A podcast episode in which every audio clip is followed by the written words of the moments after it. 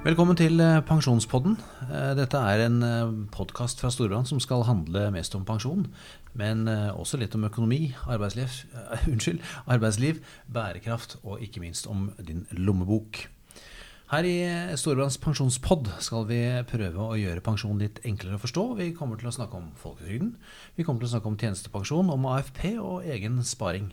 Summen altså av alt dette som skal gi deg en pensjon å leve av. I Pensjonspotten eh, treffer du både eksperter fra Storbrann og eksterne gjester.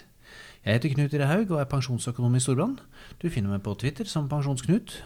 Med i studio i dag så har jeg direktør for næringspolitikk Jan Otto Risbrobakken. Og leder for bedriftsmarkedet i Storbrann, Lars Erik Eriksen. Eh, temaet i dag det er eh, om hvordan pensjonspengene dine skal forvaltes, eller hvordan de forvaltes hver eneste dag, faktisk.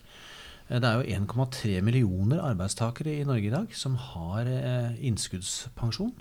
Eh, og dette med å forvalte pengene betyr veldig mye for resultatet der fremme. Men først litt om hva innskuddspensjon egentlig er, eh, i motsetning da til andre typer pensjoner, vil jeg formode. Og hvordan disse ordningene er forskjellige fra de gamle tjenestepensjonsordningene. Og kanskje knytte noen kommentarer til hvordan det er forskjell mellom da innskuddsbasert pensjon og det som en god del av lytterne våre sannsynligvis har, nemlig offentlig tjenestepensjon. Forskjellene her. Så vær så god, Jan Otto Risebakken. Ja. Nå er det history time. Ja, vi skal ikke snakke så mye om, om historie her, men, men, eh, det har jo skjedd noen endringer. Eh, bare egentlig i løpet av de siste drøye eh, ti årene. Ti årene. Før så var tjenestepensjon veldig enkelt hvis du var arbeidstaker.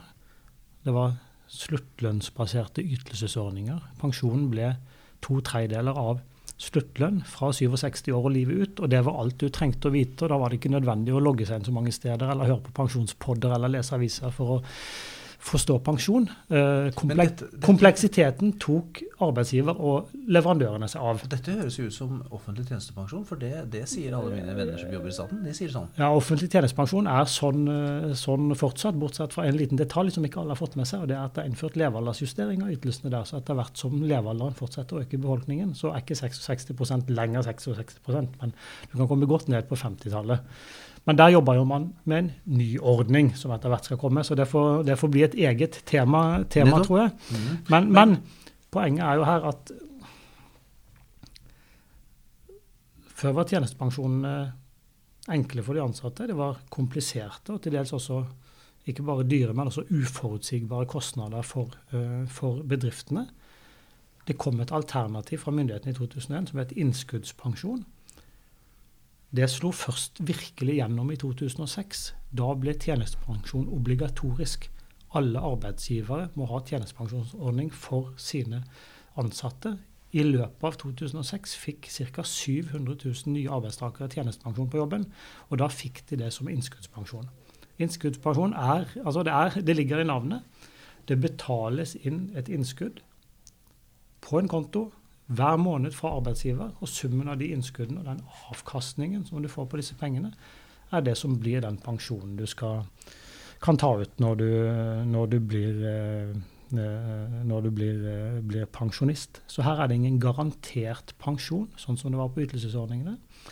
Men en pensjon som er avhengig da, delvis av den avkastningen som du får på pengene. Så man kan da si at dette er blitt en ordning som er enklere, ryddigere eh, og lettere å forstå eh, totalt sett. Det er mindre hassle for bedriftene, men mer ansvar eller mer risiko eh, skutt over til, til eh, de ansatte her. I de gamle ytelsesordningene så var det jo arbeidsgiver og leverandørene som satt med risikoen for den avkastningen som kom. Ytelsene til de ansatte var garanterte.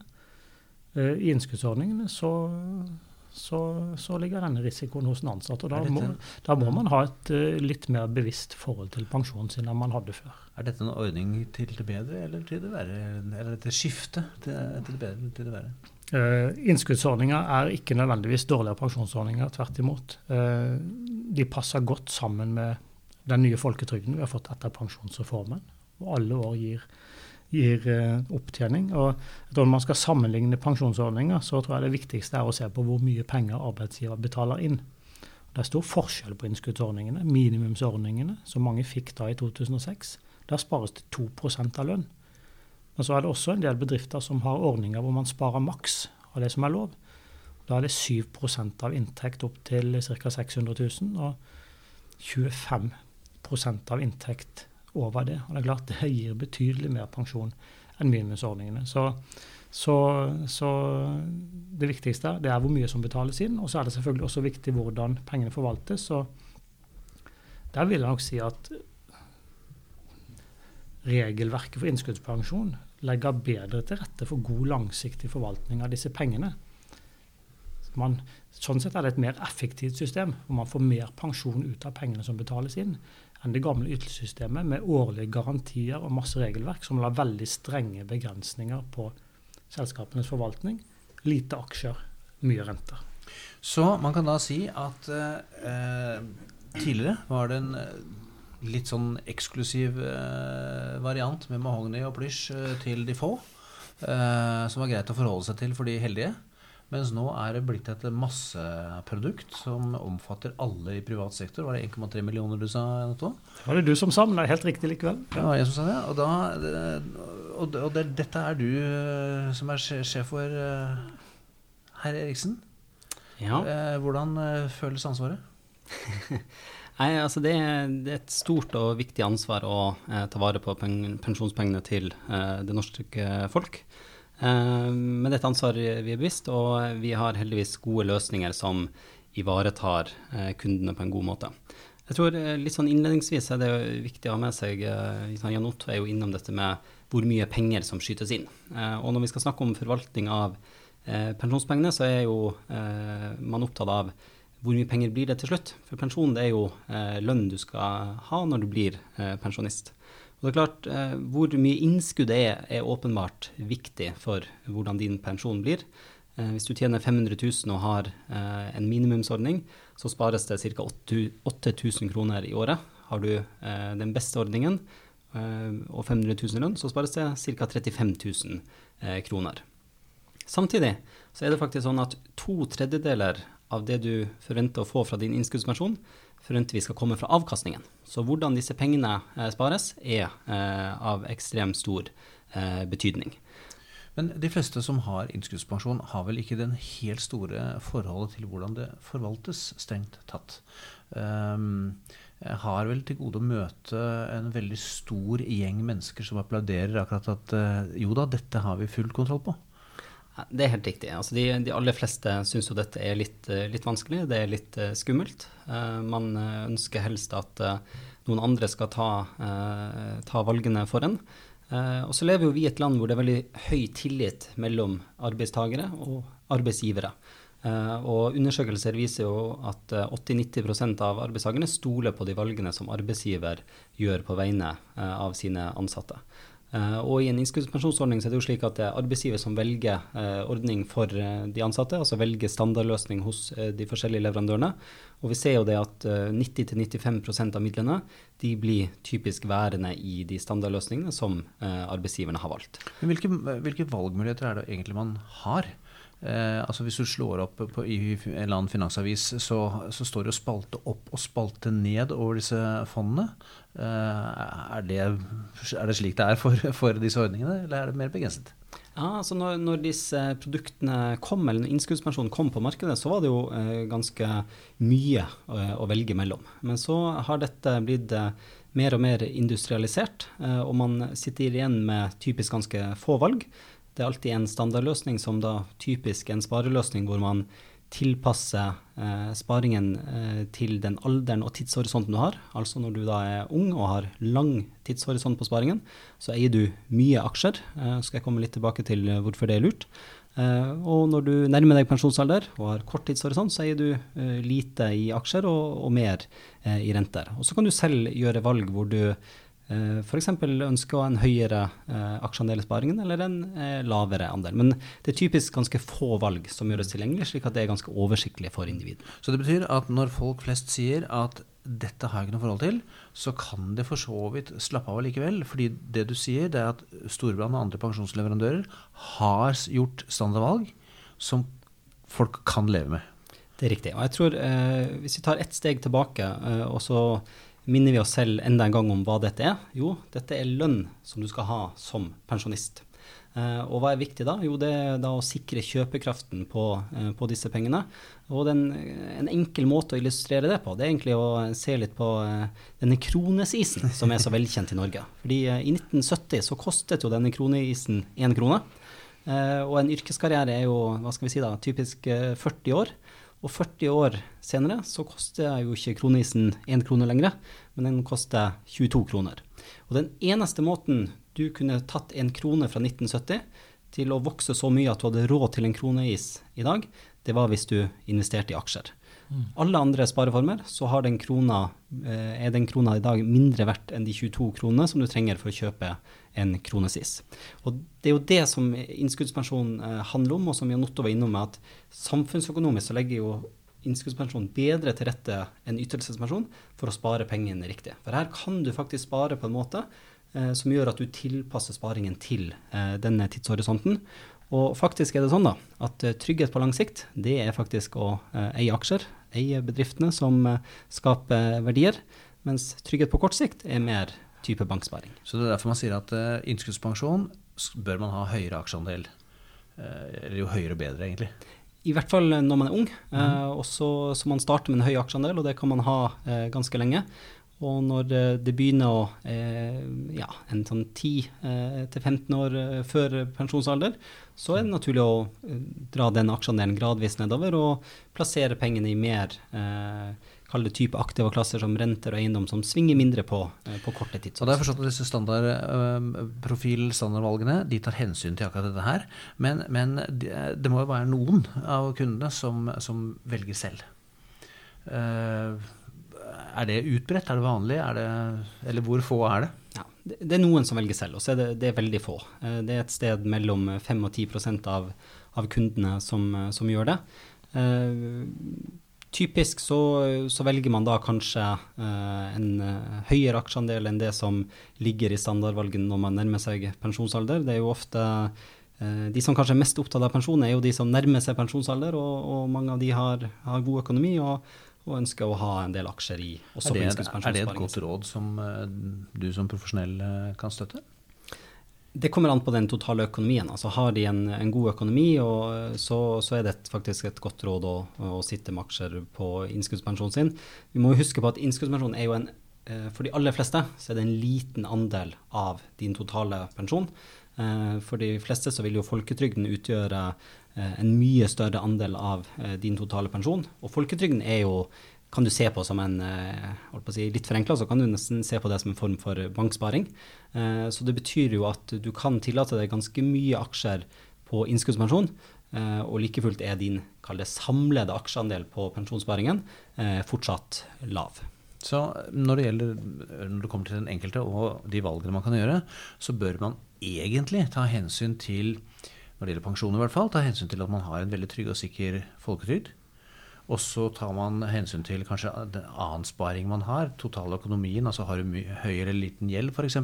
Og så på bakgrunn av det da, ta beslutning hvor, hvor høy aksjefondsandel du bør eller tør ha. Helt riktig. Altså Helt ideelt sett så bør du jo ta inn alle disse tingene i, i vurderingen. Uh, og så er det jo sånn at vi som uh, bransje og leverandører vi lager jo da eh, standardløsninger som skal passe for, eh, for, flest mulig. Eh, så nå er det jo laget standardløsninger som er veldig godt tilpasset innskuddspensjon. Og et naturlig neste steg er kanskje å utvikle disse løsningene til å også ta, inn, ta høyde for at veldig mange har hovedandelen av sin pensjon fra folketrygden. Det høres ut som en liten fremtidsscenario dette her, Anders Eik. Jan Otto, har du noen kommentarer? Absolutt.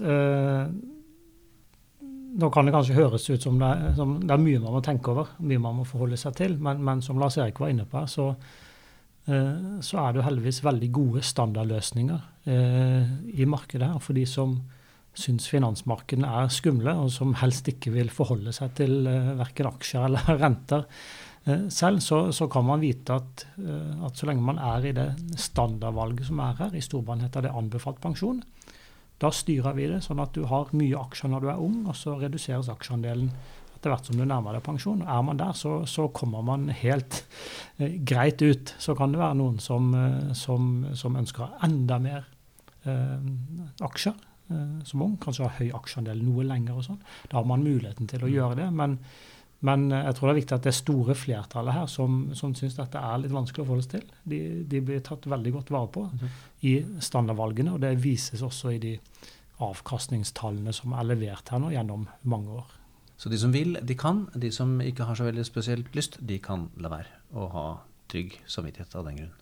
Det er riktig. Du blir tatt vare på uansett. Ja, En eh, helt annen sak. Nå har vi jo eh, tenkt på innskuddspensjon sett fra de ansattes side. Mm. Men det er nå tross alt slik at det er bedriften som eh, skal betale dette gildet. gilde. hva skal de legge vekt på? Legge av deg litt storbrann-hatt nå, Lars. Uh, prøv å være en nøytral rådgiver. jeg kommer inn døren her og sier jeg må ha en, en innskuddsbasert pensjonsordning. Hva er det egentlig jeg bør se etter fra leverandøren min? Mm. Først av alt så tror jeg vi skal være klar over at det regelverket som kom den gang det ble innført at arbeidsgiverne skal betale kostnadene for pensjonsordningen, er et regelverk som har gjort at det har blitt veldig gode spareløsninger. Eh, fordi bedriftene de er profesjonelle innkjøpere. De, vi må kunne si her at de virkelig har stilt krav til eh, finansbransjen. Så eh, en del av disse kreative produktene man så eh, for 10 og 15 år siden, de er helt borte eh, fra markedet. Eh, og man har fått veldig gode spareløsninger på, på innskuddspensjon som er kostnadseffektive. Når vi sammenligner det med andre land, så er det eh, veldig lave kostnader i, eh, i, disse løsningene, og man har fått eh, produkter som gir, eh, gir, god avkastning. Det som er viktig når de skal eh, vurdere leverandører, det er jo pris er åpenbart viktig. Eh, det å få god verdi på, på, det man investerer. og så er det jo det å ha en leverandør som ligger litt i front på utviklingen, kan lage nye løsninger og gode standardløsninger som ivaretar individene. Eh, det bør investeres i mange aktiva klasser, eh, og aktiva klasser er da aksjer, eiendom, renter osv. Slik at når noe går dårlig, så er det noe annet som går bra. Eh, det er så enkelt som at man bør ha flere ben å stå på. Så en god langsiktig investeringsstrategi som, til et godt prisnivå er nok det viktigste for arbeidsgiverne å vurdere. Er det, er det noen leverandører som skiller seg ut her, eller er alle sammen sånn pluss-minus like, liksom. Altså, noen marginer her og der, noen promiller sånn og sånn. Men er det noen, er det noen retninger som har utpekt seg, eller er det one size fits all her? Altså, eh, det er klart, Produkter er, kan jo i stor grad eh, kopieres. Eh, så jeg vil si forskjellene ligger kanskje litt i når man kommer ut med, med nyheter og, og forbedrede løsninger. Uh, og så er det jo sånn at uh, Når noen kommer med forbedrede løsninger, så kommer markedet etter. Mm. Uh, altså vi ser forskjeller på, på, hvor raskt man kommer til markedet, og, og, det er også forskjeller på hvor bredt man investerer, altså i antall aktive klasser og man gjør tilgjengelig for kunder. Og så er også En, en ja. veldig viktig dimensjon oppi dette er jo kvalitet, altså hvor gode løsninger man har for å gi informasjon til de ansatte om pensjon. Det er viktig. Ja, og også, for det, for også det, det, gode løsninger som gjør det enkelt for bedriften å administrere sin pensjonsordning. Ja, for Vi snakket om i om at det er bedriftene som har ansvar for, for uh, informasjonen. Det er riktig. Nettopp. Så det er ikke noe sånn hårreisende klare forskjeller. Du har eh, liksom uh, A-klassen og B-klassen. Det er, det er en, en, hard konkurranse på like vilkår et eller annet sted ute i markedet her. Jeg vil si det er en veldig tøff uh, konkurranse. Det er mange om, om beina, og det er jevnt over gode løsninger i det norske markedet. Og så er det mulig å hente ut kvalitetsforskjeller. Og så tror jeg det er verdt å i den vurderinga ta med seg at et lite halvt prosentpoeng i årlig avkastningsforskjell, eh, det eh, kan utgjøre 10-15% høyere pensjon for individene. slik at her må man også jakte de små marginforskjellene som er der ute. Man skal se på kostnader, informasjon til de ansatte og administrasjonsløsninger. Og se litt på hvordan man har hva skal vi si, prestert da, over tid. Ja. Det at man har en uh, resultater over tid er viktig, og, og, kanskje vel så viktig at man har en, uh, en robust strategi som står seg for, for fremtiden. Nettopp. Da setter jeg en strek for, for uh, innskuddspensjon og forvaltning av pengene. gå over til en litt løsere del av programmet, nemlig Jan Otto. Når sløste du sist? Det kan jeg ikke klare å huske. Jeg syns jeg bare bruker penger på svært fornuftige ting. Men det kan jo være noen rundt meg som er av en?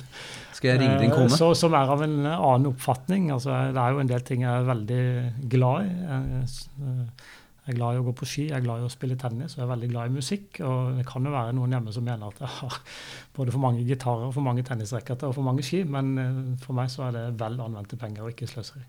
Jeg så forleden dag at du hadde en dings mellom telefonen din og, eh, og eh, hodetelefonene. Hva var det? Nei, det var for få litt bedre lyd da når jeg hører på musikk mens jeg jobber. Så Jeg tror svaret er avgitt ikke her og nå. Verdt hver krone. Nettopp. Da runder vi av denne episoden av Pensjonspodden. Jeg håper du ble litt eh, klokere både på forvaltning og innskuddspensjon. Eh, Det er eh, mye lettere å sjekke pensjonen sin og få vite hva du har, enn det de fleste tror. Logg deg inn på Nav og sjekk min pensjon der, eller selvfølgelig på storbrann.no. Følg Storbrann på Facebook, eller besøk oss på storbrann.no. Og har du kommentarer, så send det gjerne til Knut Dyrehaug på storbrann.no. Eh, I denne sendingen hørte du Lars Erik Eriksen og Jan Otto Riseblodbakken fra Storbrann. Og jeg er Knut Ire Haug, og takk for nå.